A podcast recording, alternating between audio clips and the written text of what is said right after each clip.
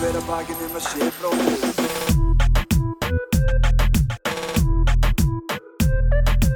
Bera hver að bakinn um að sé bróðir eigi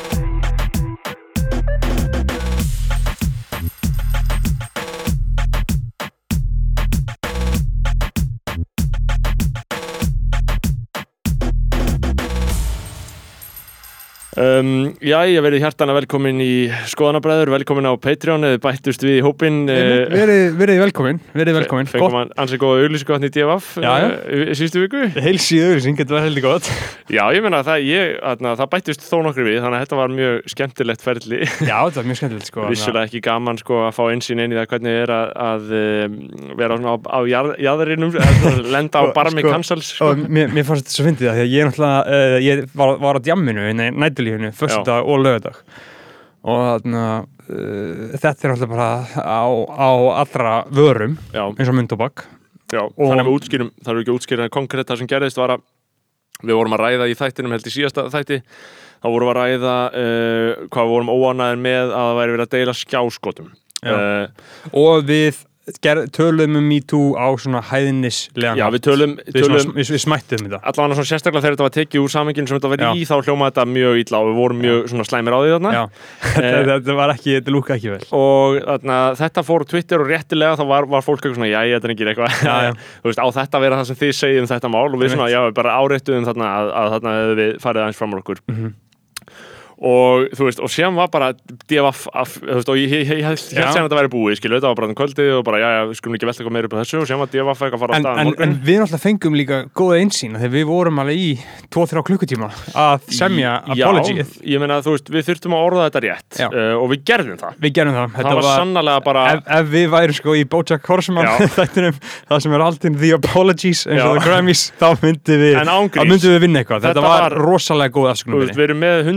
það sem er alltaf the apologies eins og Já. the Grammys þá myndum við, En ángríns. þá myndum við vinna eitthvað þetta, Þetta var, var- rosalega góð Þú afsökunum veist, við erum með 130 likes á eitt tweetið og, Já. og þetta bara deilist eitthvað svona alveg bara mjög mörg likes Já. og, og ég er búin að fara í gegnum lækin skilur Já, og já, maður já. sér alveg að fólk er og ég, ég er búin að fara í gegn leikin á, á Já, Twitter já, auðvitað ma- lækum við það, fylgjast já, með því, það er bara mannlegt eðli en já, já.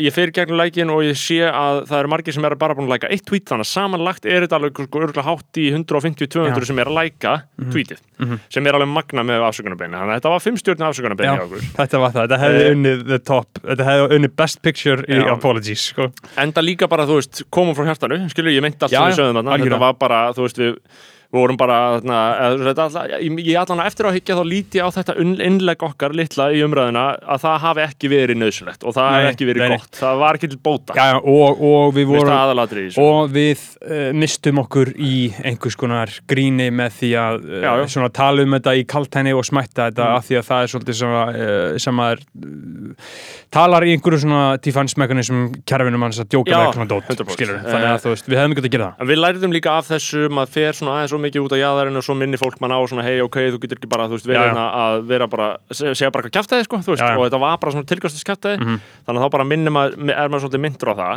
uh, en þarna svo náttúrulega, þú veist, svo er önnur spurningum bara efnislega hvað við vorum að segja þarna, þú veist, Mhm. Þetta þetta voru náttúrulega 30 sekundur í klukktíma þætti já, sko. þetta var, uh, Þetta var, og það eru margir það- sem komið til að sjá meira, það Já. margir hérna sem er að hlusta nú í Já, dag á, á já. fyrsta, fyrsta nýjútkomna Patreon þáttin Já. eftir að cancel tilurinn var ekki þarna, um, og ég meira þú veist og ég, bara, ég þekki Freyju, mér finnst það bara flott hjá henni að taka okkur Já, aðeins sundur bara- Twitter, við erum bara gott að því bara whatever sko, Eh, fínt En það var vissulega mjög aðteglisvert að vera uh, á rafhjólunu um morgunin uh, á leiði vinnuna og ég fæði símdal og ég Já, bara, frá, halló, frá King Gaitin eða? Er ekki frá King Gaitin heldur Bjarka Sigurðarsinni Já, samstæðsmanni Já, Uh, og hann, hann er greinilega að sækja comments, skilur þeir eru mm þetta er stórt veldi, þú veist, það er eitt fyrir að. Já, já. sækja comments og hinn er að setja saman Já. greinina uh, Djú, og, það geggjað kollab Já, já, en þú veist, það, það er ekki algengt sko, en svona, ég held að það sem þeir gerir stundum á DFF þarna sé að skrifa sér svolítið saman fyrir eh, svona leiðilegum málum einhvern veginn, Já. þú veist, og þá eru þeir aðeins Akkurat, þá veit, veit, veit enginn hver gerði hvað. Þetta- er svolítið eins og þetta er svolítið eins og Dave Chappelle og hvítigurinn sem samti allt Chappelle show með honum. Mhm. þeir þarna, uh, gerðu bara skýra skýran sáttmála milli sín, við skrifum þetta saman, ég ma- man ekki hvað hann heitir, gaurinn sem að púsa tína til þínum, akkur man ekki, hvítur og sköllur sem að skrifa þessa pelsjó, sem er mjög mikið svona black culture uh, dæmi, grínast með rassism og eitthvað. Þannig að hann var hvítur og sköllur og þeir skrifa þetta allt saman og sóru bara stjúpan sáttmála, engin veit hver skrifaði hvað. Nákvæmlega. Að, að þannig að hvoru þeir eru ábyrgur fyrir neinu. Já, já. það er aldrei hægt að vita hver gerir hvað. Þetta er svona- þetta er svolítið svipa, svipa pæling. Þetta er svona pæling sem hljóma mjög vel þar til einhver vill fá heiðurinn að einhver, þá verður þetta alltaf flókið. Þetta er rosalega tíkja sverð, sko. Eh, og, ég hugsaði líka alveg þegar þetta kom með okkur, sko, þú veist, þegar við vorum að segja Mhm. til þættinum, þá var eitthvað svona, ok, hvað sagði ég? já, hvað Já. sagði ég í þessu að því ég var svona eitthvað að reyna að reflektera það, en mér fannst samt aldrei eins og ég væri bara ábyrgur Já. fyrir því sem ég væri að segja, sko. Já. Mér fannst algjörlega að þetta væri bæði á okkur, ég man ekki eins og Já, hvort sagði verið sitt, við sögum alveg jafn svipa Já, heimskulegt við sögum sko. svipa heimskóla við, fórum svona báðið sem heimskóla hluti Já. og þetta, þetta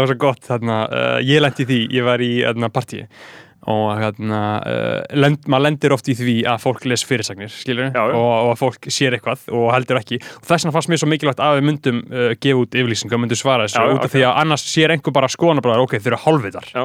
og hugsa ekki meira um þetta, halda við sem hálfvitar og halda áfram með lýsið Svona Ég- svipa PR og þarna, Dr. Fútbolgörðinni fá í hverju vik. já, já, já, þeir bara halda áfram en það sem að gerist, ég var í partí uh, á Bergstæðstræti og þarna, þá var púlað upp um mig og sagt bara, herru, Beggi, náttúrulega sitja því heitisætið og ég bara, ó, já, já. ég var mjög vonsvikinn og ég bara svona, hvað, skilju svaraði þessu bara, já, já, bla, bla, bla, já, já, einmitt, uh, og hvað, varstu yfir hverju sem vonsvikinn og þá var svarið bara, ég man ekki alveg hvað ég sögð Og, en var manneskjan þá að þykjast vera vonsvík? já, já, já, alveg? já, já, já, já. Já. og en myndi ekki að því að hún hafði ekki hort, hlusta á allt myndbandið. Já, alla klippuna einu sinni, skilur ok, ég myndi var þetta bara einhver fæðingarhálfviti nei, nei, nei, nei, en þú veist, mér fannst þetta bara svo mjög lýsandi yfir uh, fyrirsangleginni og allt þetta. Og, og síðan fannst mér svo gott sko, og síðan fór ég í Vorklass Vassmýri daginn eftir og hitti á Pá, herran heitis mér Já, og var að segja honum, segja honum frá þessu og bara ræði þessu með hann Mhm. og hann segi, já, hvað gerast þetta? ég segi bara, að börstu þetta nýrba já, ok, þetta myndi aldrei gerast upp í Vassenda akkurat. Þetta myndi aldrei gerast í Kópavogi að einhver myndi koma með svona shit. Nei, Nei, sko, en það, en það var náttúrulega bara í góðu lægi að, að, það var, að það var gert, skilur en mér fannst þetta bara lýsandi yfir það af hverju maður þarf að uh, útskýra eða svona gefa smá samengi á hlutina því að Twitter er voða vondu miðill já fyrir samengið sko. Ég meina, ég meina fyrirsögnin er náttúrulega að pælingin okkar var aldrei að verja nöðgara sko. Veist, þetta, þetta er svona, aðna, þú veist, ég fekk bara komment frá Heimi Má Pétursinni sem er bara eitt reyndasti blaðmar á Íslandi. Og hann kom bara upp að mér, þú veist, eitthvað, og ég var náttúrulega vel að merka sko, kanselaður í vinnunni, sko. ég satt bara yfir skupanum mitt í vinnuna með að vera kanselaður Já, já. með já, þú veist og, aðna, um, og svona fólk svona smátt og smátt sá já, og kom til þín og svona sagði eitthvað og heim, já, já, já, heyrðu hvað, það verið nöðgara fólk er bara það sé Já. bara, býtti hvað, varst þú að verið nöðgara það, er bara, það, er, það er eina sem við fær veist, og, og þú veist, ég held að ég held að, aðna, ég veit það ekki ég, vi- ég held að þetta sé líka til margs um það að sko þessar fyrirsagnir, þetta fyrirsagnar flóð sem við lifum við Mhm. í íslensku fjölunum það tekur, á sama tíma allir lesa bara fyrirsagnir þá tekur fólk það heldur ekkert svo alvarlega Skilurðu? eins og með Magnús Geving hversu margir heldur að hafi hlusta á podcastið? Það var allir náttúrulega trilltur út í hann sem að auðvitað á, á rétt á sér skilur en þá, þá er einmitt fyndið að hugsa um það hversu margir heldur að hafi hlusta á Já, þetta það er viðtal við ha- ha- hann átti að hafa sagt að, að að einhver leiti mætti skilja það sem ofbeldi þegar konur var að nota kynlíf til að stjórna köllunum sínum. Já. eitthvað svona, og ég, neita þeim og ekki neita þeim og eitthvað svona. Já, ég, ég, ég, ég veit það ekki eins og ég Nei. heyri bara að ég, þú varst að setja það í aðeins meira samingi mér. Ég hefði bara, bara heyrt að hann hafi sagt að það var ofbeldi þegar konu vildi ekki sofa kallinu sínum. Já, ég er en mögulega var hann að skilja þetta í þessu samingi Setja þau í samhengi sem er skiljanlegt uh, kannski ég- sagði ég- hann þetta bara sem algjör hálfviti uh, og án þess að vera að segja þetta í því sem já ég, ég, einmitt eins og ég las ekki fréttir um þetta. Nei. ég sá bara tweet. Uh, en já, ég er að segja að þetta er svona dægur máladegla sem bara rúlar áfram Já, bara, bara, ég, ég hugsaði bara mikið til Thomas Stendors þegar hann var að tala um bara 48 klukktímar Já, einmitt. 48 klukktímar það er eina sem þú þarfst að gera 48 Já, já. klukktímar En ég meina, þú veist, eins og ég segi, sko, bara mjög holdt fyrir mig að fara aðeins jörðina, sko, mjög, mjög fínt sko. Og eins og ég segi, bara vekur þættin, já, skemmtilegt. já, en, en, en síðan gerist það náttúrulega líka að þú veist, ég var að ná á djáminu, föstudaginn og laugdaginn Já. Eh, þá komur náttúrulega ógæslega mikið gaurum upp að mér Já, og, Og- þakka fyrir þetta. Já, já, mitt, ég fekk það líka mikið, sko. M- m- mislesa þetta svona aðeins, skilur Já, já, þetta er eins og í gamla dag, þarna, þegar við vorum að byrja þetta, það var einhver guð sem held alltaf að við höfðum muslim. já, það var já, það, það var fokking Þarna, hræðilegt. back in the days, sko. Nei, nei, og, og sko, þú veist, það er náttúrulega þannig að um, fólk er að fara til sálfræðings uh, til þess að tjá Já, það er með nazi skoðanir Mhm. uh, og það þóru ekki að tjá þær. Fínt, það er eiginlega bara fínt að fólk þóru ekki að tjá þær að það eru svo nazi. Mhm. uh, en þú veist, ég er að segja, umhverfið er uh, já, allan að sérstaklega, þú veist, það, þú veist, það er ekki það erfitt að vera í þessu umhverfið þú ert bara til dæla skinsamur, en þú ert með nazi skoðanir og vilt Mhm. ekki að mikið vera með nazi skoðanir þá máttu ekki tjá minnst þar nei, þú getur ekki. Og, sem er bara gott, sko, þú veist, Já. ég, ég er ekki En að móti það, það, það fyrir eftir í hvernig nazi skoðanir menn er að tala um, sko. Ég meina, sjálfur, sko, sjálfur bara minna hagsmunna vegna þá hefði ég alveg viljað skilur frekar að einhver myndi bara segja eitthvað við mig um það sem ég var að segja í stæðin fyrir að skilur, þú veist, þetta er orðið svo, opinber umræða þegar einhver svona tekur þitt sitt og setur Já. það þarna en ég meina, Einmitt. þa það er ekkert við neitt, neitt að sagast annan en bara mig því þetta er opinbert sem við erum að gera Já, skilur, þetta er þannig að maður getur aldrei farið að væli við því þegar Það- eitthvað verður opinbert sem er þegar opinbert sko. það er ekki hægt um, Þetta er svona eins og þegar fréttameila pikka hygt og þetta upp á samfélagsmiðlum en, en, og einhver fyrir að græni við því sko. þetta er opinbert og við skulum bara ræða það. Af því að ég, ég, ég líka þetta koma á þeim tíma sem að ég er akkurat búin að vera að tala svo mikið uh, fyrir mannlíf og divaf að þetta sé bara frábæra miðlar og raunverulega nöðsynlegt fyrir Íslands samfélag að hafa svona fólk Já, já. sem er tilbúið að vaða í skýtnum sko. enda líka á meðan ég beið uh, eftir því á milli þess að ég talaði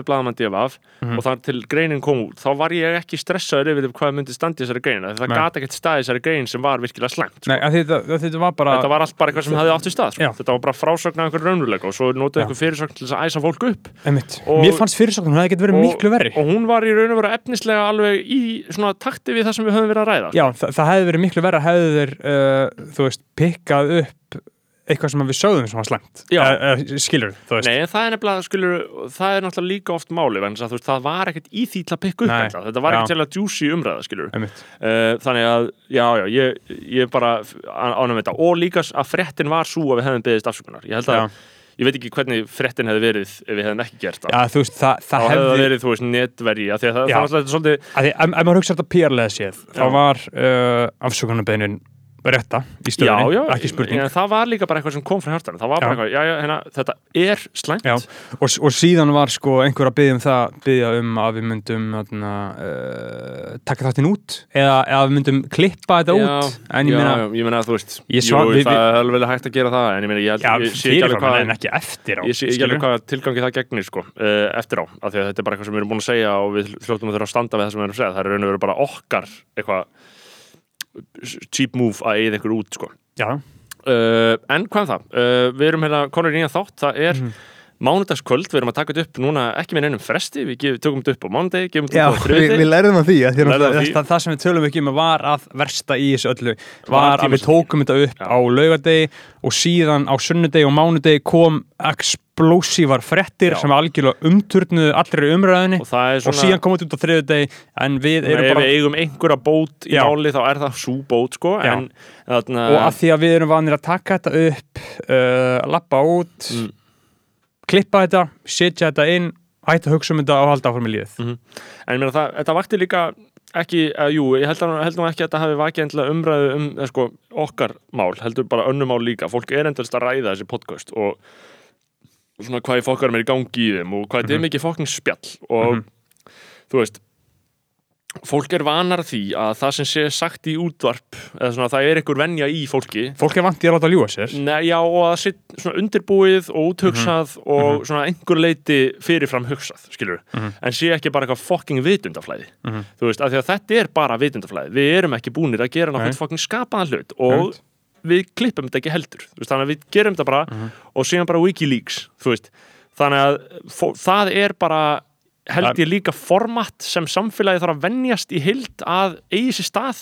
Það er mjög dapurlegt en þetta er bara, þú veist, þess, þannig gerast slísin líka, skilur, þannig gerast þú veist, þannig segja, segja maður hluti sem bara Uh, þú veist, hitta á mjög slæma nótu og særa fólk og þá bara, já, ok hérna, leiðir þetta bara næsta þætti, bara sorry þetta bara gengur ekki svona, ég veit það en ég meina, en þetta gerist nú samt ekkert oft. Nei, hjá okkur, Eh, þetta er eh, aldrei gerst. hjá okkur hefur þetta aldrei gerst. Nei. þetta hefur ekki gerst fyrir nú.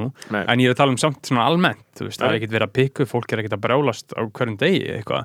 Út í einhver Nei, podcast. nei, en samt svona aðeins, ég meina, þú veist, eitthvað svona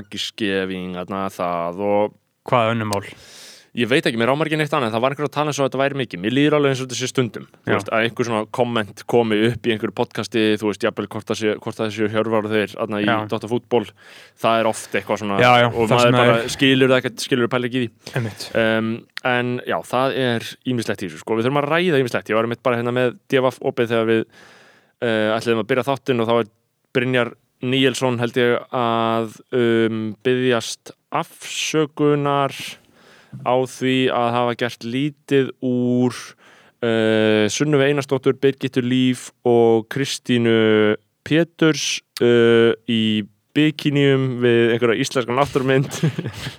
Hvernig gera uh, lítið úr þeim? ég ætla nefnilega að núna finna sko, aðna, sko hvað, hvað, hver ummælin voru. En þú veist, sást ekki myndirnar af þeim þarna, þegar, þeir, voru það er eitthvað svona nýjar myndir þar sem það eru aukstar Eru það ekki alltaf engstar og alltaf nýja myndir? um, Jú, æ, ég, ég get ekki fundið þetta en, en sérst, um, það var óþarf að gera lítið úr þeim, segir Brynjar. Brynjar var greinilega eitthvað að gera lítið úr sína myndir það eru bara eitthvað svona byggjum í, þú veist, þetta er Já, En uh, Brynjar ætlar aftur á þing, kannski þannig að, Getur hann það? Akkur færa þær ekki að þing, þú veist, þessar gælur Sunna Einarsdóttir það er Birgitta Líf, náttúrulega það er náttúrulega stiðja uh, Áslu Örnu, Já, kannski já, ekki allar það- en þetta er allavega rosalega allavega Birgitta Líf Ástrós ég Já, sá hjá þeim að- ég held að langt flestir af þessum, þarna, þessum það væri mjög aðtilsvægt að gera einhverja alveg svona viðhlítandi pólitíska greiningu á, Já, á því hvað þetta fólk stendur. Ég man þegar ég var ungur og einfaldur þá hugsaði ég alltaf eitthvað svona, hm, hvað stendur þessi pólitík? En núna finnst Mhm. manni það mjög fyrirsjánlegt svona af uh, helstu atriðum, skilur, með einhverjum hangir viðkomandi, já, já, þú veist, ég get alveg gefið mér hvar, hvar, að þetta sé hall, hall, svona halli undir ákveðin sjónamið, sko, þú veist. Já, þú veist hvað skiptir máli Já, og þannig að það kemur hann ekki nú ekkert óvart ég að það veit sé ekki, ég myndi máttur segja að barna sko. Já, Sunniva Einarsdóttir, Birgitta Líf og Kristín Péturs, ég myndi alveg skjóta á að það er kjósi, myndi allar bara beinlýnis setja bara X við D sko. Já, Þú veist, ég held að það myndi bara beinlýnis alveg, ég held að það væri máli geta, Já, geta verið til dæla örug með það sko. ég, ég, ég held að Eh. að öll, öll tengsl allra í allar áttir séu svolítið bara það, þá leið sko. Já, og það er bara gott að blessa það sko. Já,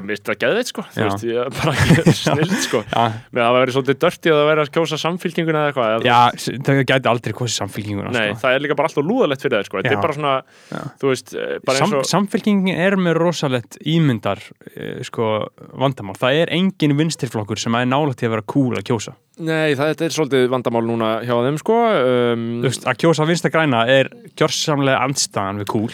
Ég sá mér þess að úlinga Twitter var eitthvað að ráðast á vinstri græna í dag sko út af flottamannamálunum skilur því það er eitthvað Já. svona, er ekki að gefa einhverjum ríkisborgar rétt en mm. -hmm. sem bara að gefa einhverjum leim poppurum Já, ríkisborgar Damon Albarn. Það er náttúrulega king. já, já en, en svona þú veist stjættaábeldi Ógislegt, já. apartheid 100%. uh, Hvað hva, hva gerir Páll Magnússon í þessu? Páll Magnússon bara þarna, Hvað er hann? Um, Eh, uh, Formaður alþingis eitthvað? Nei, hann er, hann er bara uh, formaður allserjar nefndar var hann ekki nefnda formaður? Jú, ég held að hann hafi verið formaður einhverju nefndar Og hvað í fokkarum er allsherjar nefnd? Er alls er það að mentamáland, sko, þingi vinnur bara mjög mikið í nefndum, skilur Já, það er svo fokkin ógislegt. já, þú veist, þannig að þú eitthvað þingmál þá ferði með þingsalinn fyrst og þá verða smá umræða og þá segir fólk eitthvað, já, það er að bæta þetta, þetta, þetta Mhm. og þá sendum við aftur í nefnd og þá Mhm. ferða bara, þú veist, á svona tíu manna fundi reglulega og það er rætt, skilur það er, það er senda það inn í nefnd, þá er það í nefnd, sko. Og þú ert nefnda formaður, þá getur haft nokkuð mikið um það að segja hvað bara svona hvað breytist og ýmislegt, sko. Já, þetta Eh, er bara eitthvað svona en- slagt, ömulett, gammalt kerfi er einu sem virkar. Já, já, ég meina þetta, þetta ég, held, ég held alveg að þetta sé skilvirt ég veit ekki alveg hvort að þingi sé skilvirt Jú, Ég held ég held alveg að þingi sé bara til til að skilvirt ég hef ekki séð annað, sko.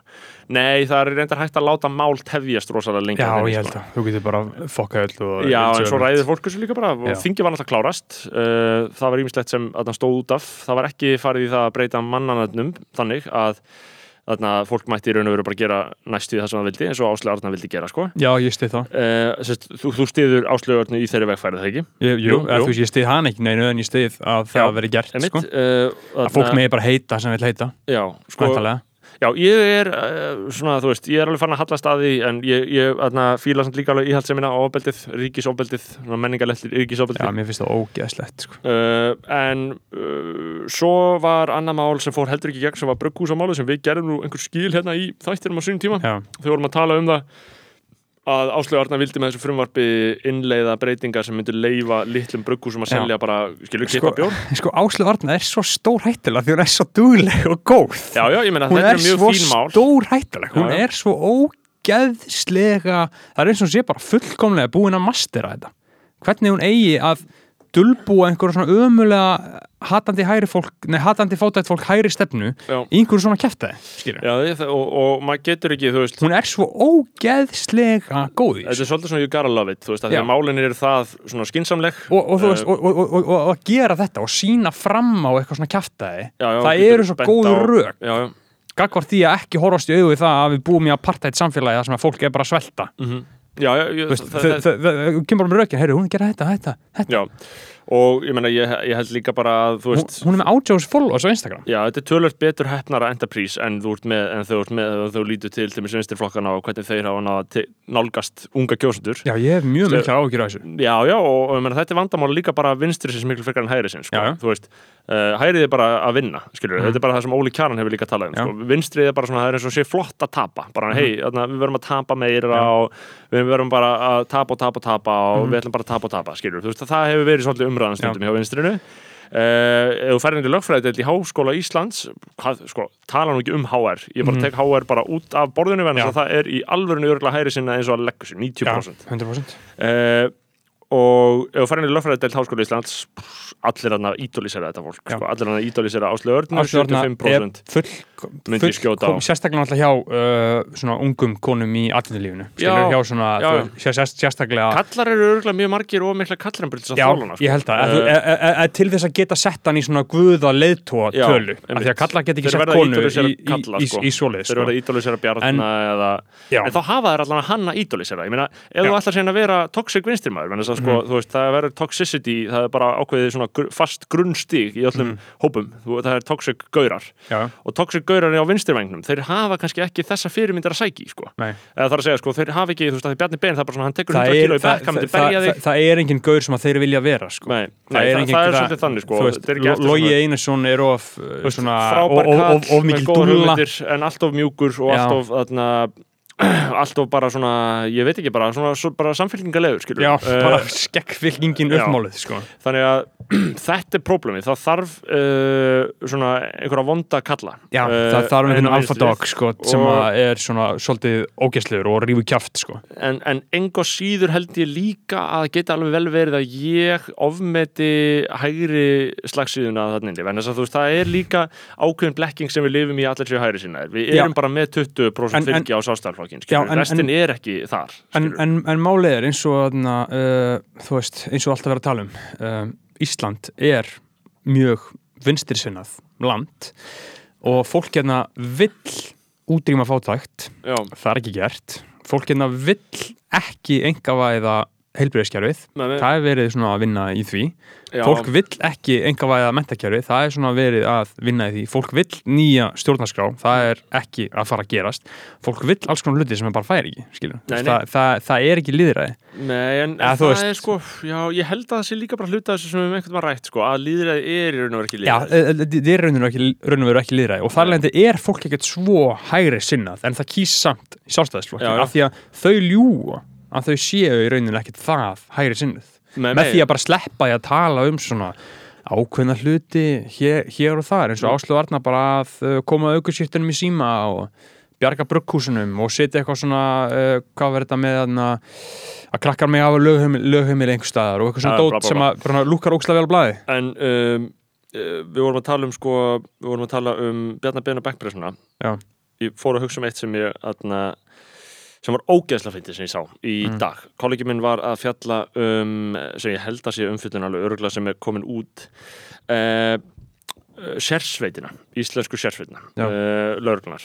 Og þarna, þú veist, sérsveitin, já, já, saman hvað hver segir, þá er þetta eitthvað sem bara þarf að vera til hérna, skilur samt uh, bara eitthvað til að gera eitthvað skilur eða er eitthvað uh, þú, þú getur ekki verið svona algjör tussa með þetta sko, þú veist það má alveg vera lögregla til hérna skilur það er svo sem allt í lægi að það sé lögregleina Já, skilur við en en allavega, það er, það er bara kallar í sérsveitinni, það hefur- aldrei verið kona Já. þarna uh, og það er svona mögulega verið að breyta því. Uh, og inntökuprófið Mhm. er sem sagt, þú veist, bara mjög krefjandi líkamlegar aðstæður. Mhm. og uh, er sagt, þess að segja, það hefur aldrei kona komist í gegnum inntökuprófið. uh, þannig að það var reynd að ég held það lögregla uh, Mhm. örgla einhver, skilja það er alltaf einhver sem reynir Mhm.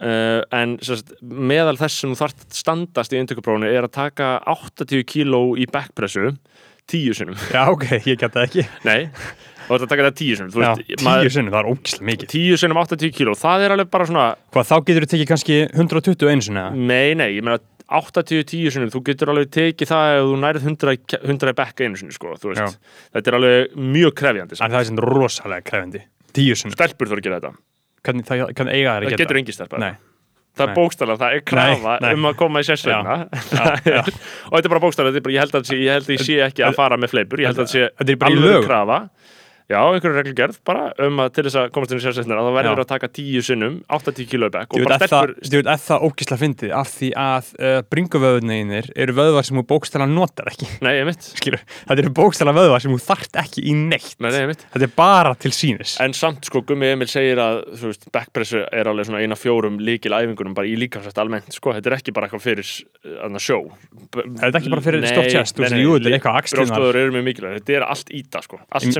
Er þetta það er þetta sko ég man bara eitthvað nazi læknir sagði við mig að maður, þurf, maður þurfi ekki að nota anna, Læknar eru mesta veimil Já, títu þe- stjætt á landinu já, þeir vilja bara að já, í sundur þe- Þetta var sami heimilislæknir og sagði mér að hætta að hlaupa Hann sagði þú getur ekki að hlaupa, þú eru bara að hætta Þeir eru þessu. mesta Já. veimil Þe- títu þe- stjætt Þeir bara hættu, fara bara inn í herbyggja og leggst Já. í kör. Það er bara, þetta, þetta var saminguður já, og síðan fór ég aftur til sjúkaþálar míns og sagði, sagði við hann að læknirinn hafi sagt þetta og sjúkaþálarinn stóð upp úr sætinu og heitir hann? já og bara. Fekk nafn Já. Hjá þessum lækni og hefur öruglega látið hann mæta einhvernum afleðing þetta er svona, sko, læknar eru maður hefur verið með margvísli vandamáli og alls konar heilsukvilla en þetta er bara yfirgengi Já, hvað læknar er þessi bara sjúkaþálar var greinlega bara fer upp af læknum að segja eitthvað svona Já, já, að þeir sjúkaþálar náttúrulega eru að sitja uppi með, þarna, þú veist, uh, fórnalömb þessara lækna. Já. Heimilislæknar eru, já, það er sér kapitúli.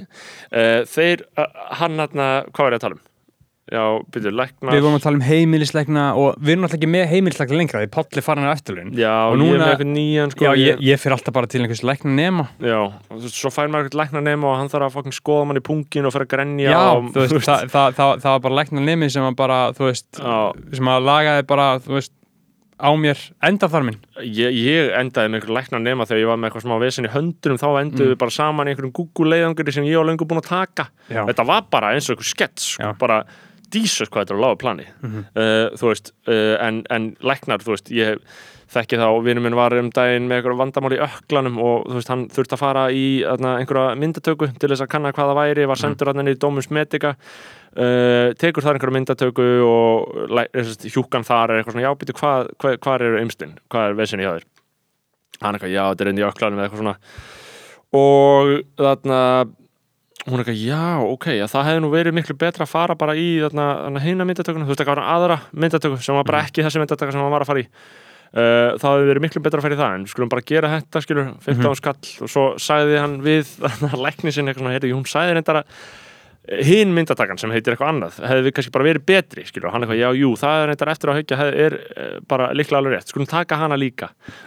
Þú veist, þetta er bara þú veist, maður lendir í svona kafka aðstæðum með Já, já. þessum fokkin læknum. Af því að, þú veist, ég veit ekki bara, svona sjúkra þjálfara vandamál og allt svona núna, öll meðsli mín, mín reynslar orðin sú bara, já farðu bara og styrtu þig það bara mun enginn hjálpa þér, farðu bara og styrtu þig bara, hvernig þú getur, bara halda áfram að reyna að. Þú veist, ég trú, trúi freka bara á einhverja fucking sko homopata og heilara Já, shit, sko. við, sko, það er ekki að furða að fólk endi út í skurð með eitthvað þannig, Já. einhverju þannig einhverjum fokkin dis, disco galsa á, áður nú veist að verður komin í laugavatni í cerimoni Já, sko. að því að þú ert bara að því að læknis og svo er það náttúrulega líka, þú veist það, það er náttúrulega svona ofur trú á vestræn Já, heilbriðisvísindi er ekkert endilega sérstaklega bjargföst eða góð, sko, þú veist, sens við erum alveg uppi mjög mikla vísindatrú þar sem bara þetta er alveg ófrávíkjanlegt bara mm. við trúum á bara niðurstöður rannsókna, niðurstöður eins og þess, en það er einmitt svona Já, í lífinu þá fer maður að svona fyrir, finna sko- fyrir einhverjum öðrum bylgjulengdum ég meina fyrir 50 árum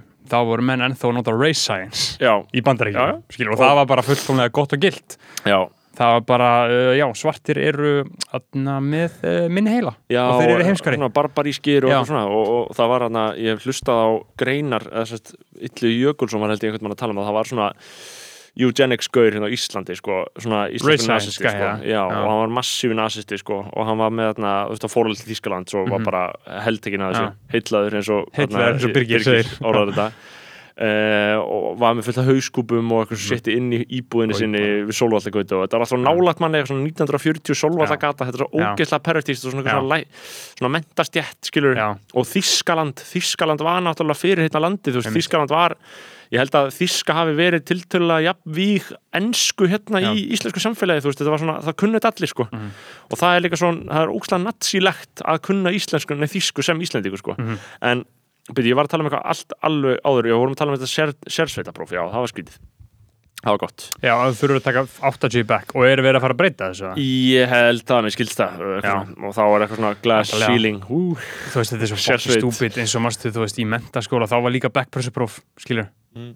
og bara allir að taka það sama Já. í íþróttum. Já, þú áttu bara að tekið, ég man ekki hvað var þá kannski bara eitthvað, þú veist, 50 eða 60 já, bara örgulega til dæla þungt Já, örgulega bara mjög þungt og bara veist, gaurinn sem voru að æfa handbólta gáttu gert þetta. Já, einhver handbólta lúser og og, hinn voru bara niðurlægir. Já, já, þetta er svona one, one size fits all hugmyndafræði í skólakernu sem er alveg indisleg sko Mhm. eh, og bara virkilega traumatiserandi fyrir marga líka í sambandi við vísindin ertu að fara að tala um eitthvað annað, hvað, hvað spá? Nei, já, mér langar bara aftur að tala um, ég var svo gaman að, að, að hugsa til þess að Birgitta Líf og Kristinn Péturs og Sunnu Einars uh, kjósi sjálfstæðsflokkin Já. Mér mér finnst það svo geggjað, sko Já, já, mér finnst það líka bara Af því, að, því að það er sko, þú veist, ég fíla það eiginlega betur en til dæmis að kjósa viðreist Já, já, þetta, það er Ég- svo svolítið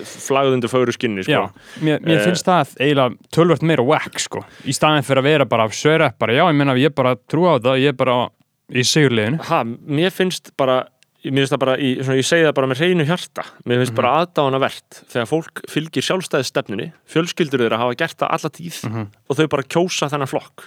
Skilur, mér finnst það aðdáðanavert að einhver leiti þetta Sko- er svona festa í samfélaginu. Bara, já, við gerum þetta.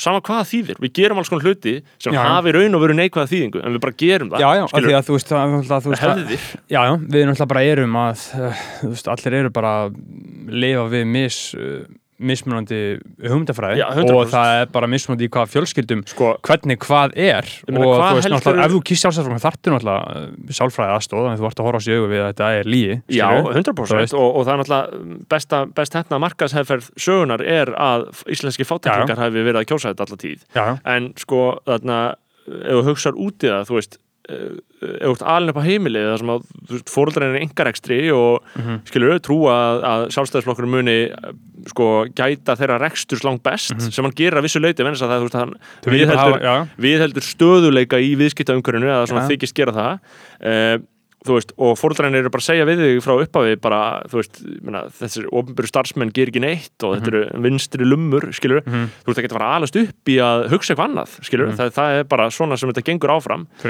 uh, og svo er það líka áferðin á þessu og bara stemningin, það er miklu meiri stemning í kringum Mhm. þarna, þessar queens sem bara kjósa XD og eru bara Já. heitar skilur, Mhm. og þetta er bara eins og þarna, uh, maður sem ég veit um sem er algjör king, fer á milli hvenna og segir bara, þú veist, og hann er hommi sko, hann er alltaf læg, segir bara veist, hvað flokk kýstu það, ertu vinstra hægri sinnuð kemur vinstri sinni, ó, þú ert allt og sæll að vera vinstri sinni, þú veist, þetta er bara Já. að þetta er ákveðið, þú veist, þetta er bara e, e, þetta er kannski myndu segja sko, þú veist, maður bara að hugsa um svona madman samhengi, skilur, þetta er bara svona vel hefnuð ímyndar smíð, þú veist, bara við gerum þetta, skilur, fuck við erum ekki vinstri lubbar, skilur þessi vinstri lubbar eru náttúrulega alveg ógeðslegir, sko. Samt sko, ég heitlast af sko vinstisinnum konum sko. Ég heitlast, ég, ég heitlast ekki af uh, Instagram nazismannum sko. Nei, það, þú veist, með, full, með fullur virðingu fyrir því öllu sko, Já, en þú veist, það er svona ekki það sem ég uh, sækist í sko. Nei, en sko þú getur en innst inni ger ég það örugla Já, að því að sko þetta er að einhverju leiti ef maður fer dýbra sko þá held ég að þú veist, þetta geti heitlað þig skamtíma, í skam, skamman tíma eitthvað svona, Mm. mm. skemmtilegt eitthvað, þú veist, rótæk uh, sósalísk kona Já, svona, svona eins og, eins og út í allen, en ég har hlustað að viðtalið hann sko, eftir hann var cancelled þá var hann að tala um sko að, að óvart, hann var að horfa núna yfir af fyrir hann var að skrifa æfisögu sko að horfa yfir fyrir sinn og hann sagði að the female protagonist is always a radical communist. Já, er that's, segja, that's my type. það er einmitt það sem ég er kannski að reyna að koma orðum Já. að. Það er svona, þú veist, jú, þetta er þetta er heitlandi framan af og svona, þú veist, reykir síkertur og er alveg sama og bara svona Já, ég myndi, Og- bara, ég myndi bara láta hann hætta reykja. Ég myndi sen lusta á Alan Carr. Striktli svona anti-authoritarian dæmi, skilur Ég fíla uh, en síðan svona þegar menn eru komnir í sambúð og eru bara svona að reyna að koma sér fyrir veist, þá er þetta, þá er þetta búið að missa allan skilur, þá er maður bara eitthvað, þú veist mættir alveg bara þjena fá tekjur eitthvað, ég, held, held einlega að maður sé ekki flóknar þetta, sko, veist, í raun og veru en ég er alveg sammála því, er auðvitað þarf sko að gilda og aðtiklisverða hugmyndafræði í fólk til þess að maður nenni að eigða miklum tíma með, það, Já, já. með því eða bara En ég vil meina að hugmyndafræðin leynist oft í líka öðrum atriðum og þetta er líka það sem við rættum með Bergabba sem ég finnst bara mjög gott og gilt og aðtiklisvert og skýrði margt fyrir mig þegar hann var að segja sko. Að efnahagslega fram og tilbakað skilju efnahagslegu viðmiðin um hugmyndafræði og ástand samfélagsins Mhm. eru eitt viðmið en síðan eru bara önnur sem eru langlífari og stærri skilur Eins og hvað? þú veist, bara eh, um það bara hvernig samfélag þróast, skilur Mhm. þú veist, að, að, að, hugsa ekki um það hvernig ö, krónurnar og auðratnir skiptast akkurat núna, skilur að sé hægt að mæla samfélagið bara út frá öðrum standardum, skilur Já, já. að við erum ekki með þetta á heilanum, skilur eins og við erum stundum En að því að þetta er náttúrulega grunn shitið Þú, Já, get, en þú það getur er ekkert eitt verið sjónarmið, skilur, þú veist, Já. og ég, ég er alveg sammálaðir því, ég er alveg sammálaðir í Já. því, en ég er að segja að mér finnst samt þroskandi að setja sig í smá aðra stellingar við og Mhm. við sko og vera bara, já, þú veist, þetta hérna hefur mikið gildi líka, Mhm. sem er svona aðeins stærra og aðeins varanlegra en hitt, skilur, Já. og það er alveg þannig, sko, að því að þú veist, ef við erum að karpa um ríkistjórnir fram og tilbaka innan einhvers demokratist sker- kerfis, kerfis þá er það alveg rétt að það er ekki mikils virði sko. Mhm. Það- veist, það er, ekki- þetta er ekki umræða sem er mikils virði að mun endast neitt sko þessi þættir okkar þegar ég hugsa út í það núna þegar við erum hérna með þetta dægurþras skilur, ef Mhm. þú hlustar á þetta eftir 40 ár þá verður þetta, ég við töl, tölum í massífri dullkóðin hérna, skilur, Kristinn Mhm. Péturs Sunneva Einars, Birgitta Líf, Brynja Níelsson uh, þú veist hvað þau eru að segja núna Instagram, ég útskýr ekkert er þetta allt hálf kveðnar vísur hjá mér, skilur þú veist, ef- eftir 40 ár, hvað verður þetta þá? Það er sann svo skemmtilegt að því að það er ekki til svona efni Nei. frá 40 árum Nei, Það, var til ekki karp, búin sko. að búið að finna upp podcastið eins og við höfum talað um, Halldór Lagsnes hefði Já. verið með podcast hefði sko, Halldór Lagsnes hefði verið með daglegar podcastar Já. þar sem hann myndi einn tala í mægin eins og. Michael Moore Já, bara ég, ég efaði ekki í ein, eitt sekundubrótt sko. og það er líka mjög áhverð að hugsa til þess sko, hvort að fólk hefði hlustað á hann Mhm. í dag, skilur, hvort að hann myndi ná að sko uh, tengjast tírandanum, þegar að sko með sínar hugmyndir, sko, ég held að hann hafi verið gamaldags þegar á sínum tíma, sko. Ég held að hann, Hann- hafi bara orðið gamaldags 1930, sko semi, sko, eða svona 1945 þá var Halldór Lagsnes orðin gamaldags. Heldur það samt, Já, var, hann hann, var veist, það hann, var samt, hann var samt þú veist, Jú, jú, hann var smá hann- um miðja og, og hann var bara sósialisti í gegn skilur, Já, já, og og af- afneitaði kommunismannum skilur, og, og skrifaði rosa mikið í takt tíma, ég með sástæðsfólk hann kom út 33 já, þá er hann 32 eða eitthvað? Uh, já, hann er fættur er hann ekki fættur 1900, eða 1898 eða eitthvað svona, ég veit það ekki sko. Nei. Ég held að hann sé fættur svona alveg ég held að hann sé fættur 1902 1902, það meikar sens ég held 1992, nei, 1902 til 98, ég held að það meikir sens ég held að hann sé að fættur á 1902 og já, sko uh, sjálfstætt fólk ég meina, það er algjör old fart bók sko, þú veist, Já. þannig séð en sko ég er að lesa Íslandsklukkunum núna já, epíst, og er að klára síðustu bókinu núna Eldur Já. í Kaupenháfn á 50 blásir eftir Mhm. og þetta er það allra episkasta sem ég hef einhver tíman lesið það kemur alveg óvart að þið finnist það Já, endilega, það- sko. þetta er þið sko- hefur örglega ekki fundist það fyrir svona tveimur árum Nei, örgulega ekki, en akkurat núna er ég að lesa þetta. Og Já. þetta er bara það episkasta en finnst þér þetta ekki fyndið líka? Jú. mér finnst þetta svo fyndið, það er svo að þetta er fokking svo góð satíra. Já, þetta er svo góð satýra á sko stjættaskiptinguna á Íslandi Já. og alltaf, alltaf verið að tala um hallærið Já. og mér var svo gott sko og allir eru svo fátækir það er bara út á kúrunum bara hið fátakaland, það er alltaf bara út á dönunum gráa Og- lúsu á Ísland. Já, og hvernig sko, hvernig Daninn er alltaf að fara að selja Ísland til einhvers þjóðverja, það er alltaf bara upp á borðum. Sko, og, það sem, og, og, og það hann sagði að væri hungur og hallæri í hverjum landsluta já, og það er bara smið, við náttúrulega lifum á mjög- í miklu hallæri í dag. Já, sko, en, en það sem er uh, líka í þessu er líka bara persónunar sko, þegar Magnús í bræðratungu uh, er að grenja og grenja og Já. hann er að byggja einhvern um eitthvað, ég man ekki, hann er að byggja einhvern um brennivín en þá Já. þarf hann að fórna öllu og, og skrifa frá sér konuna og hestana sína og bræðratungu. sko, þetta er svo epíst moment Já, bara þegar hann algjörlega gefst upp og verður að mannleys og hann og- bara, bara svona maðurinn mannleysan sem hann er Já, og, og besta er að síðan rýfur hann sig upp úr því og síðan missar hann aftur og síðan rýfur hann sig upp úr því aftur Já. og síðan endar hann döður í kaupunum þessi Sísifos þraut að ganga Magnús að Já. Bræðartungu sem er samt ofbeldismæður Já, Jón Hreggviðsson, hvenær drepur maður mann skilur, Já. samviskan hans hann er ekki með neina samvisku það er, Íslandsklökun er óumdeilt meistraverk, Já. sko. það er ég, ég myndi segja að það væri alveg staðfest sitt og Já. Arnas Arneus og bara, þú veist, ástin á milli hans og Snæfriðar er líka rosalega öflug, sko já,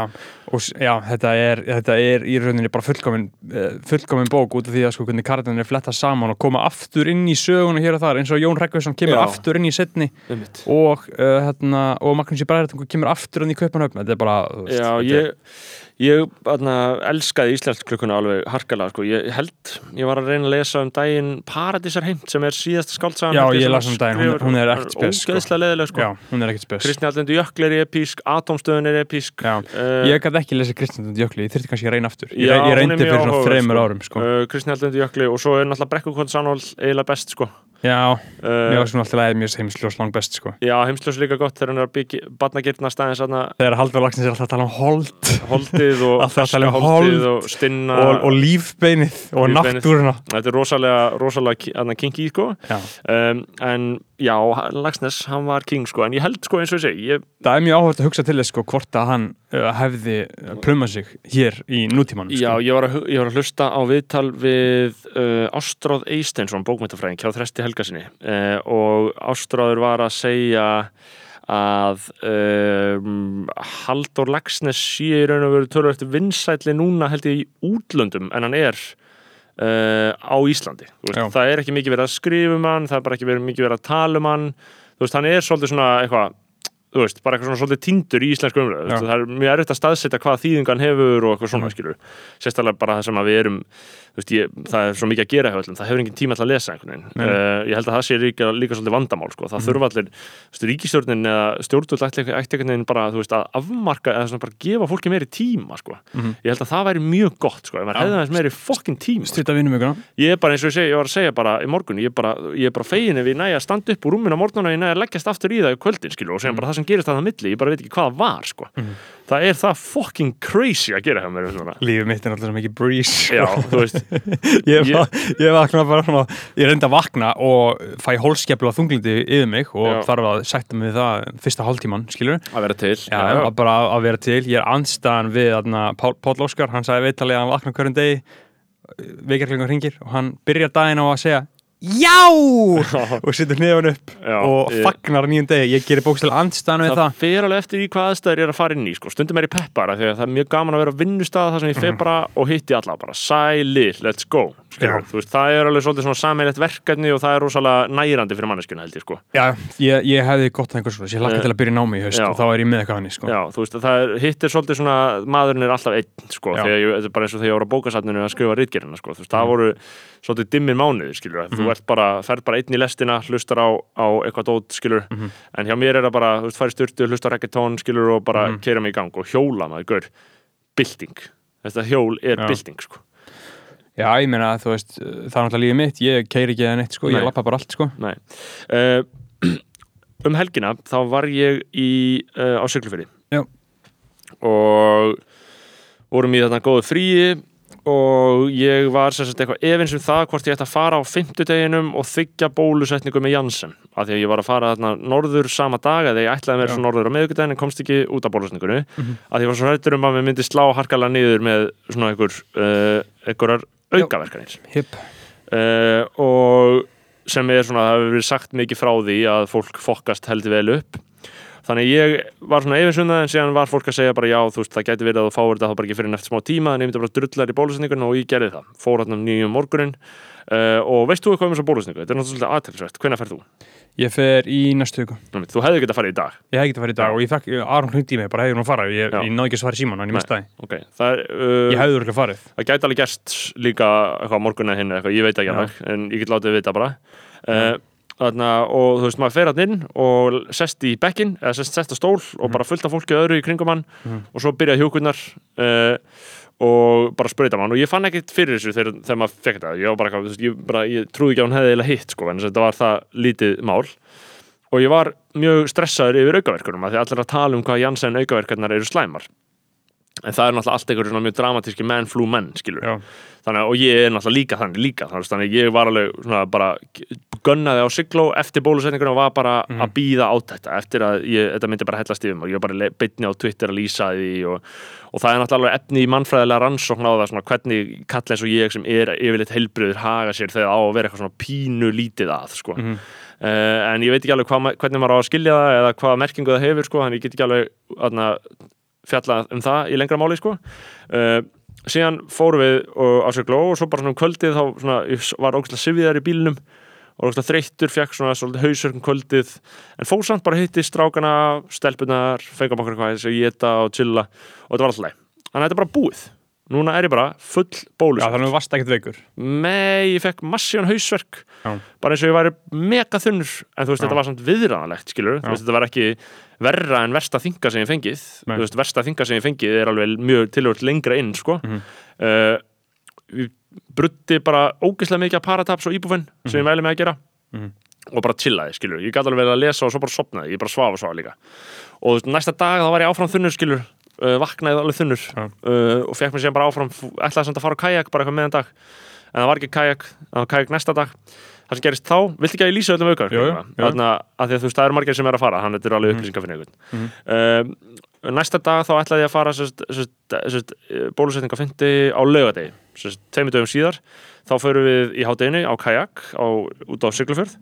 Og þá var ég alveg svona, því ég, var alveg far, ég farið á kajak einu svona áður sem þreymur árum en ég var alveg bara fokk hvað ég verð þreytur þú veist, Já. ég bara gat ekki tekið fleiri en bara fimm handtök bara þóli mitt var bara svona út af COVID veist, já, já, út af bara Já. bólusetningunni sko. uh, og það, hún hafði bara greinilega verið bara þó, stórt þú- þú- þungt högg á allt kerfið sko. Mhm.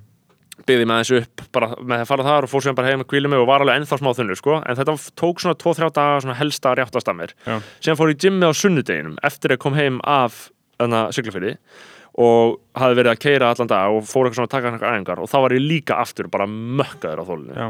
og bara svona alveg tilfinnanlega þú veist, bara svona sem ég myndi bara lýsa í bara svona 60% þól ég var bara svona að taka andköf eftir bara mjög basic shit Mhm. og svo fór ég aftur í gym í morgun skilur ok, bara daginn eftir og þá var ég aðeins betri þannig ég held að núna bara sé þetta svona sirka búið jafnast út Já. byrjaði þess að þetta á fimmtudegi ferlið núna mánudegi þá er ég bara sirka að verða maður aftur Já. En ég myndi segja að sama hvort þú fáir eitthvað mjög slæman hausverk eitthvað slæman þykkingu þá er þetta smá högg á kerfið skilur en þú getur alveg tekist á við það. Um, Janssen, þetta er ein sprauta það er talað um 67% vörn.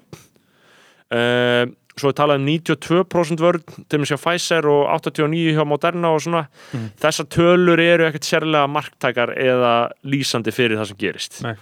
þetta er ekki uh, þannig að ég verði 70% varin þegar ég fæ veiruna og aðrir 92% heldur er þetta fyrsta lagi svona persónubundi hlutfall þannig að þú veist það eru 70% líkur eða sérst, ef maður á að taka marka þessum tölum yfirleitt þá eru 70% bara ólíklegri til þess að yfirleitt fá veiruna. Svo er önnur saga að ef þú færið veiruna með bóluefni þá er hún yfirleitt bara algjörlega ekki neitt. Uh, og bara annað, þú veist þannig ég halda áfram að ræða þessi bóluefni aðeins, þú veist þessi varnar pælingar því núna eru óksla margir, þú veist, bara flestir þessar hlustanda, hlustanda þessar þáttar eru örugglega bara að fá Janssen núna í vikunni, sko. Mhm. Þetta er ekkert minni vörn enn Pfizer í raun og veru, eða AstraZeneca, AstraZeneca og Janssen eru þarna niður í 70%. Mhm. Þetta er ekki minni vörn, heldur, er þetta, um, sko, rannsóknirnar, bara einu gögnin sem við höfum eru úr rannsóknum sem voru bara framkvæmdar ólíkt, þú veist, þú varst ekki bara með uh, íbúa á aldrinum 18 til 80 ára í Kaupmannahöfn á sama Nei. tíma að bera saman allar þessar öll þessi bóluefni á sama sömu mánuðin Mhm. til þess að fá marktækan samanburð á milli bóluefnana þá verður að fá þannig rannsóknir. Þannig að skilur þetta eru veist, ein rannsókn er bara framkvæmd í Suður Afríku þegar nýtt afbreyð er að verða til e, í, á sumrin en hin, hin rannsóknin er bara skilur Já. þannig að það, þessar tölur eru bara veist, þetta eru bara mjög fín bóluefni. AstraZeneca og Pfizer, nei AstraZeneca og Janssen eru vektor bóluefni eins og það heitir, þannig að það sprautar raun og veru vírusnum inn í þig en að gæsa lappa Pfizer, Moderna og uh, hvað er annað þessu, ég held að sé alveg þau sem þau eru meira bara svona mRNA eins og það heitir, þannig að þau sprauta DNA kunnáttu inn í dæmið þitt en mér skilst líka á vísindamönnum að þetta sé á endanum allt það sama Mhm. Og ég held að fólk sé ekkert endilega meðvitað um þessi atriði þannig að mér finnst allt, allt í lægi að nefna þetta svona hennar í framhjálaupi sko. að þetta Já. er allt bara mjög fín bóluefni þú veist, Einmitt. það er engar á, alveg áhættur á þessu Nei, ég engar, en samt mestu mistrar sem ég þekki eru anti-vax, anti-vax. það er kongalegt Já, Það er svo fucking kongalegt ég og, sko. og, og, og þeir sem ég þekki sem ég skal, sem ég skal segja þér off-air hverjir eru sem eru, sem eru anti-vax bara ég ætla ekki bólusetningu. Saman hvað, ég ætla ekki bólusetningu sko, mér finnst það Mér finnst það bara respect já, og svo Ég, lengi mér, mér langar bara í bólusetningu þegar mér langar til útlanda Ég ákvað það að fara til kaupmannafnar í 8 daga í Já. lók ágúst spennandi Fullkominn bara. mjög spennandi og bara tilefni til að hjóla sér í það sko, Já.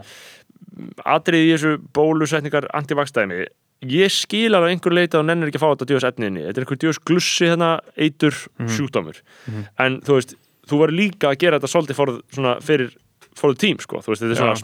þannig líka vegna þess Já. sko það myndi ekkert, það trubla mér raun og verið ekkert að fólk sé anti-vax og bara sleppi þessu, skilju en ef það kemur moment eins og það kemur að einhver leiti og hefur að segja frá því, til bandaríkjum og svona, þau eru með miklu meira bóluefni við en við erum komin lengra þau, vegna þess að fólk vill ekki bólusetja sig þarna.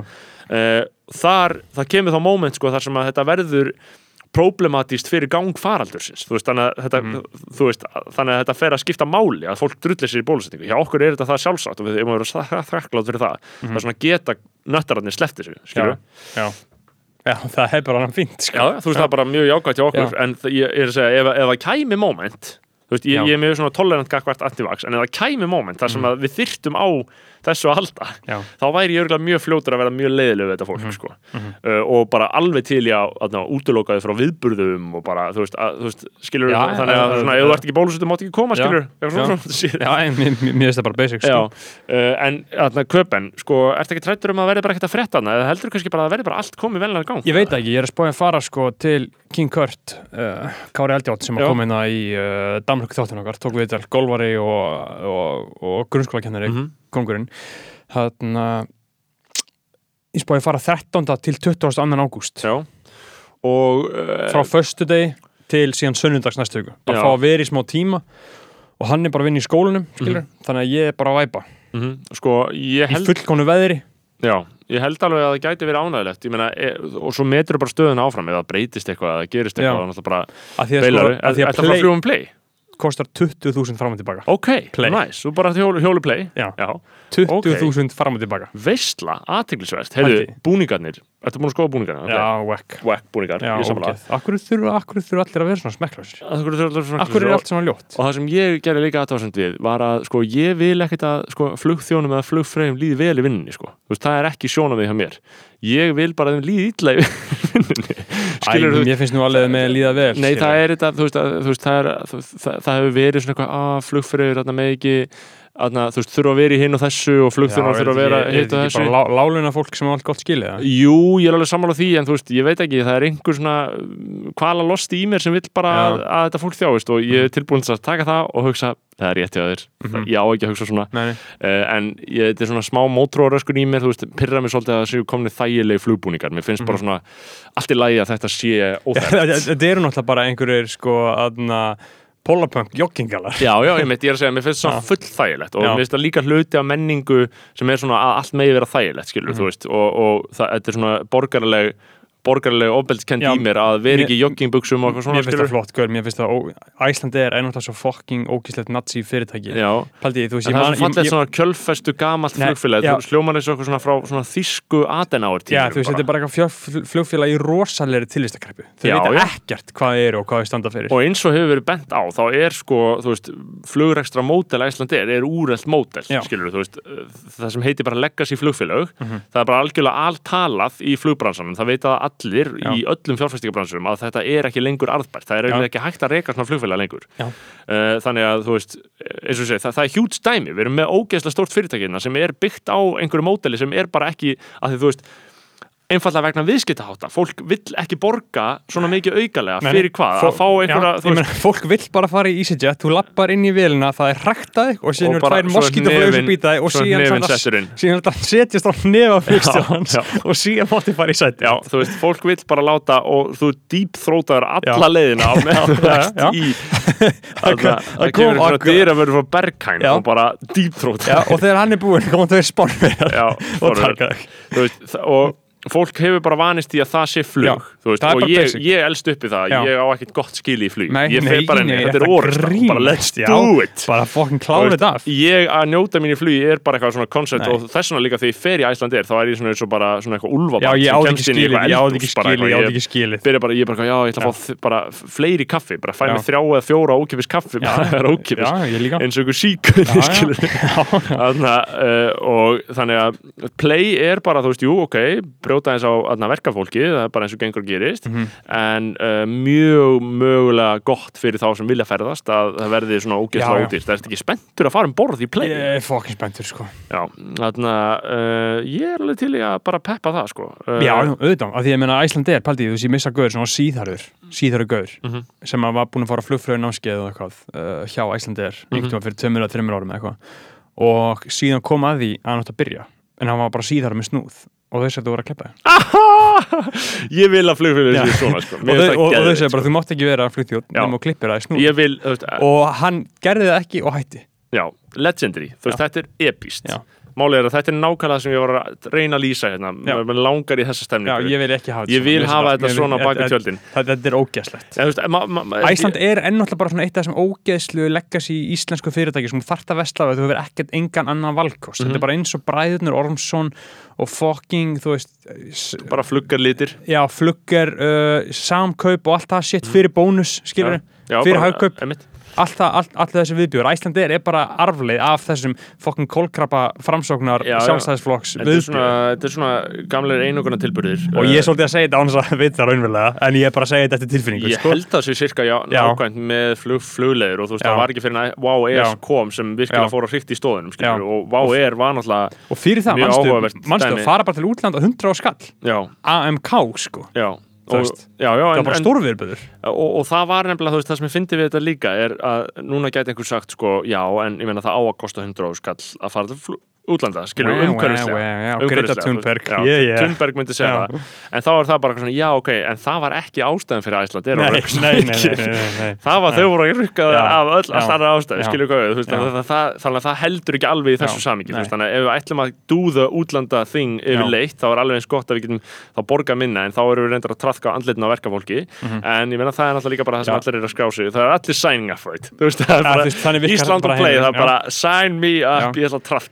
að þetta er að svo fucking sjúkur heiminn Pæl, pæl, Pældi hvernig maður getur trakkað. Ok, ég, ég, ég er að fara til kaupan út af því að það kom Airbnb bókun hjá mér. Já, Ég ákvað að jacka prísin upp rosalega hátt hjá mér. Já, út af því að ég hugsaði bara, ég ætla að vera heima í sumar ég ætla ekki að leiðin út, þú veist, ég ætla bara ég nenni ekki að vera út á landi. Mhm. uh, þannig ég jackaði prísin ógæslega mikið upp. Þannig að það kostar 30 skall bara í Já. fekk ég ekki bókunni nýju dag Mhm. 30 skall sinni nýju, hvað það mikið? mánaðarlaun, það er 270.000 það borgar ferðaði mína til, til kaupanafnar já, einmitt, þannig að þú kemur og á ég fer bara með hann, ég kem út í plus. Já. út, Já. bara út af því að ég bara einhvern veginn þetta bara gerðist fyrir mig, skilur, og svona, svona trafka ég, skilur, þetta er er mitt sko. trafk komin í traðkið og, og, Og það er íslenski draumur, það er að komast í veist Það er að komast upp úr svaðinu Það er að já, já og kaffarður í drullu svaði. Og auðvitað hugsa ég bara, ok, wow, epic. Já, let's go. Já, já, ég meina að því að þú veist einstaklingurinn Let's getur ekki go. borið ábyrð á siðferðislegum þáttum. Það er bara Nei. einstaklingurinn er bara, skeppnan er bara of Já. slæm Þú ert bara of nei, nei, við Nei, getum alveg Já, þú já, ég, en við erum ég ekki að gæti alveg það. ef ég væri Já, alvöru en ég er að segja að þú getur það ekki að þú ert ekki að gera það. Þú Ég er að segja að þú, ég, ég er bara að segja að þú getur það ekki þeim skilningi að þú ert ekki að gera Ég er ekki Nei, að segja að þú getur það ekki. Já, ég get það, ég, ég, mitt, En, en siðferðislega erum við ekki meira Við erum bara, við náum bara ekki langt sko. ég hugsa bara, oh my god, nice. Já, epist en sko, þú veist þegar ég hugsa svona með Æslandeir skilur að þau eru að trafka á sínu starfsfólki Mhm. þá hugsaði það svona, svona veginn, þú veist, það er það sem ég, mér finnst að Æslandeir eiga að vera bara svona hluta minni heimsmynd skilur, það er á að Já. vera svona, ég vil ekki frjálslindi hjá Æslandeir uh, og play kemur inn og það er eitthvað svona þau eru náttúrulega með þetta fucking viðrisna lippa frálslindi, sko já, já, og, þú veist, auðvitað er Æsland er að taka þátt í, þú veist, gay pride og... Já, já, og- en þú veist, Æslandeir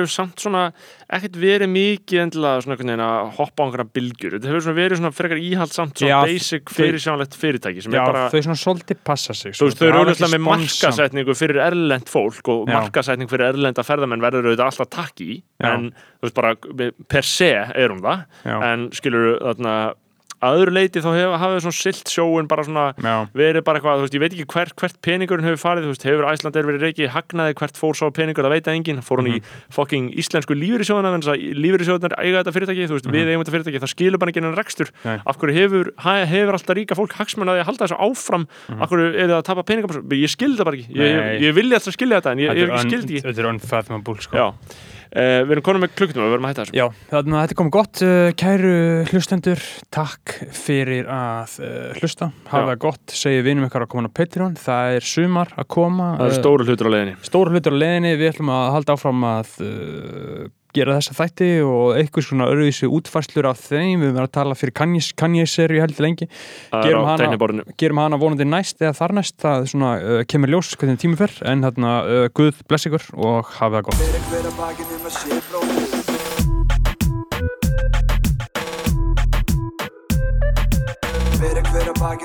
um bróðir eigi